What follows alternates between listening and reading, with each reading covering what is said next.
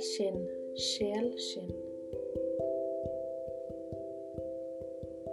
En gang så var det en tid som er borte for alltid, men snart vil komme tilbake med hvit himmel dag etter dag, hvit snø, og alle de små prikkene langt borte er mennesker, hunder eller bjørner. Det vokser ingenting her, uansett om du prøver å få det til. Vinden blåser så hardt at hvis du prøver å si noe, så fryser ordene dine til is, og de må tines opp ved bålet for at de andre skal forstå hva du har sagt. Her lever folk i det store, hvite håret til Annuluk, den gamle bestemoren, den gamle trollkvinnen som er jorden selv.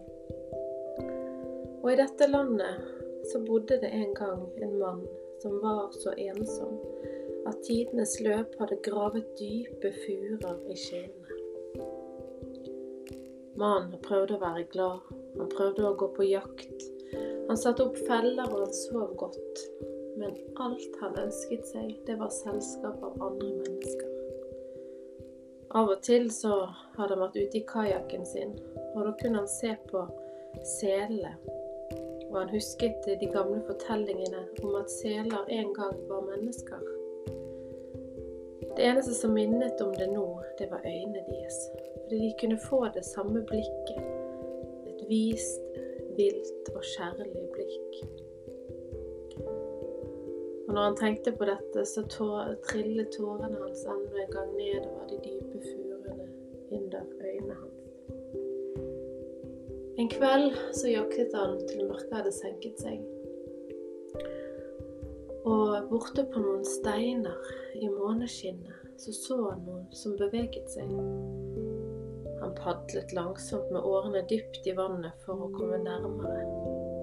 Og på toppen av steinene så så han noen nakne kvinner som danset. Yndefullt, vakkert, huden glinset som små sølvskjell på laksen om våren, og de hadde lange, grasiøse hender og føtter. Håret flagret og beveget seg sammen med kroppene. De var så vakre at mannen satt lamslått i den lille kajakken sin. Aldri før hadde han sett noe så vakkert, og tårene trillet enda en gang nedover øynene og nedover furene i skinnene hans. Han hørte de vakre kvinnene le og synge, og så plutselig så la han merke til at nede ved vannkanten på de nederste steinene, der lå det noen selskinn. Han padlet enda nærmere, tenkte seg ikke om og tok et av skinnene. Og så skjulte han seg bak en av de større steinene. Snart så var det en av de vakreste kvinnene som ropte at det var morgengry og kvinnene skyndte seg ned til vannkanten. En etter en tok de opp skinnet sitt og forvandlet seg til en sel idet de hoppet ut i det kalde, mørke havet. Men det var én, den høyeste og vakreste, lette over alt etter skinnet sitt og kunne ikke finne det. Da visste mannen hva han skulle gjøre. Han kom fram og sa, 'Kvinne, bli min kone'. Nei, nei, det kan jeg ikke. Jeg tilhører de andre, og jeg tilhører i havet, svarte kvinnen. Mannen sa, 'Bli min kone'. Etter syv somre så skal jeg gi deg selskinnet tilbake, og da kan du bli hos meg, eller gå din vei, akkurat som du. Denne unge selkvinnen så mannen dypt i øynene lenge med et trist, sørgmodig og kjærlig blikk. Så bestemte hun seg for ja, jeg skal bli med deg. Etter syv somre så får vi se hvordan det går.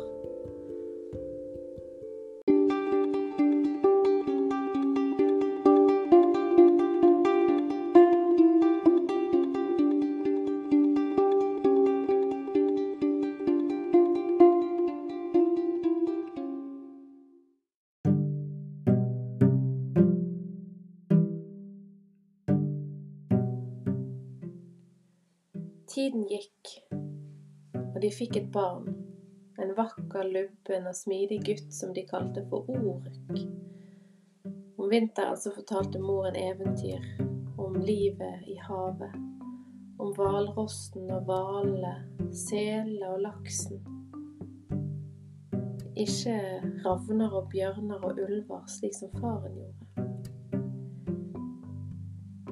Men etter disse syv somrene, og tiden nærmet seg for at hun skulle få selskinnet sitt tilbake, så begynte huden hennes å flasse, håret falt av, og øyelokkene begynte å visne.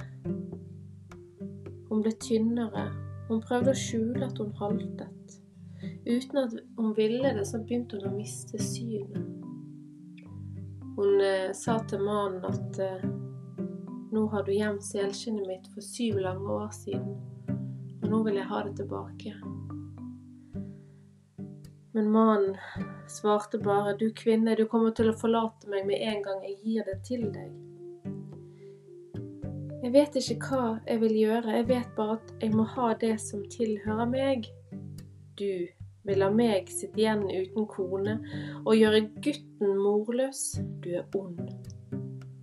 Mannen løp ut av døråpningen og forsvant inn, ut i natten. Gutten var veldig glad i moren sin og redd for å miste henne. Og om kvelden når han sovnet, så ble han vekket av en merkelig vind. Oruk. Gutten våknet og tok på seg de varme klærne litt bak fram og løp ut av døren. Oruk! Han løp bort mot klippen som ventet mot sjøen, og der, langt ute på det blåsende havet, så så han en diger, strihåret sølvgrå sel med et stort hode og værhår som hang ned til brystet med ravfargede øyne. Oruk! Gutten krablet nedover klippen, og nederst så snublet han i en bylt. Han eh, åpnet opp tauet og i bylten så var det et selskinn. Gutten ristet det og luktet på det, og han ble fylt av en varm kjærlighet. Å, det lukter akkurat som mamma. Og eh, sjelen hans fløy på en måte gjennom gutten, og han luktet en gang til. Åh. Han ble fylt av en uendelig kjærlighet til moren sin. Han tok selskinnet bak seg og løp, og det fløy i vinden som en kappe bak han. Og vel hjemme så ga han det til moren, vel vitende om at hun kom til å forlate han.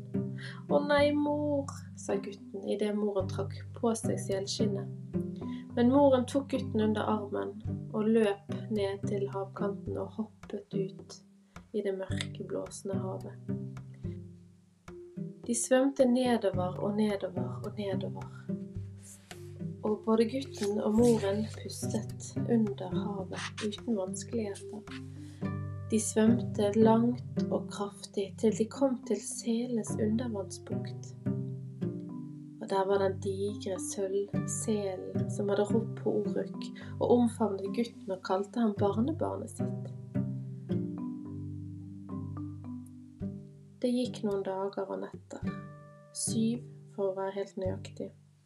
Og tiden var kommet for at gutten måtte opp igjen på land. Bestefar og selkvinnen tok med seg gutten og svømte oppover, oppover til overflaten. Og de klemmet og klemmet og tok farvel. Gutten sin tid var ennå ikke kommet. Moren trøstet han og sa at jeg vil alltid være hos deg. Og etter hvert som tiden gikk, så ble han en dyktig trommeslager, sanger og forteller. Det het at det var fordi han hadde overlevd som barn at han ble båret ut på havet av de store selåndene. Og i den grå disen om morgenen kan du fremdeles se ham iblant, med kajakken fortøyet mens han kneler på en bestemt stein og snakker med en hundsel. Mange har prøvd å fange henne, men ingen har klart det. Og hun er en sel, og det sies at øynene hennes kan få samme uttrykk som et menneske. Et vist, vilt og ømt uttrykk.